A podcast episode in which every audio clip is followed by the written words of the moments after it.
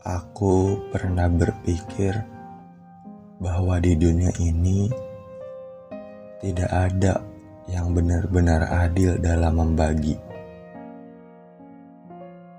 Entah aku yang terlalu bodoh atau aku yang tidak menyadarinya untuk siapa saja yang mendengarkan ini tentang waktu bahwa kamu akan menyadari kalau yang beneran ada belum tentu ada untuk selamanya.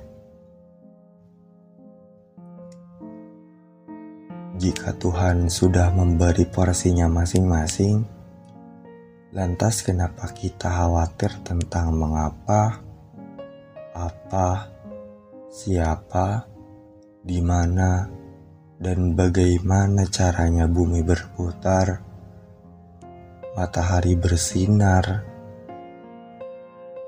kita harus bernafas, udara tidak terlihat, batu es yang dingin, awan berwarna putih, kenapa bola berbentuk bulat, pelangi berwarna-warni, mobil beroda empat dan manusia sangat perasa.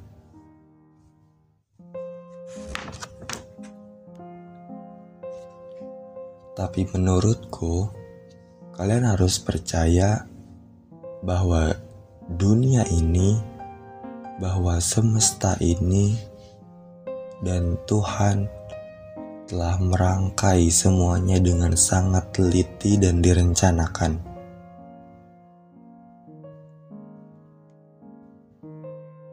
Tidak usah khawatir akan sesuatu hal yang tidak pasti dan yang belum pasti. Jika hidup ini adalah ketidakpastian, izinkan aku untuk hidup di dalamnya. Untuk orang-orang yang sudah dipertemukan dan tidak dipersatukan. Hmm,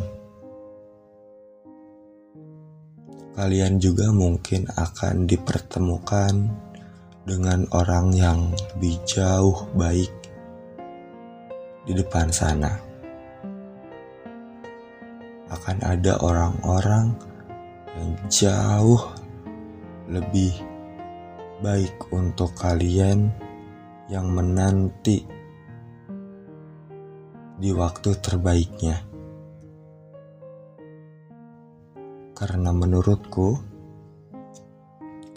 semua yang Tuhan ambil dari kamu, semua yang Tuhan ambil dari kita, akan Tuhan gantikan dengan yang jauh lebih baik dari apa menurutmu.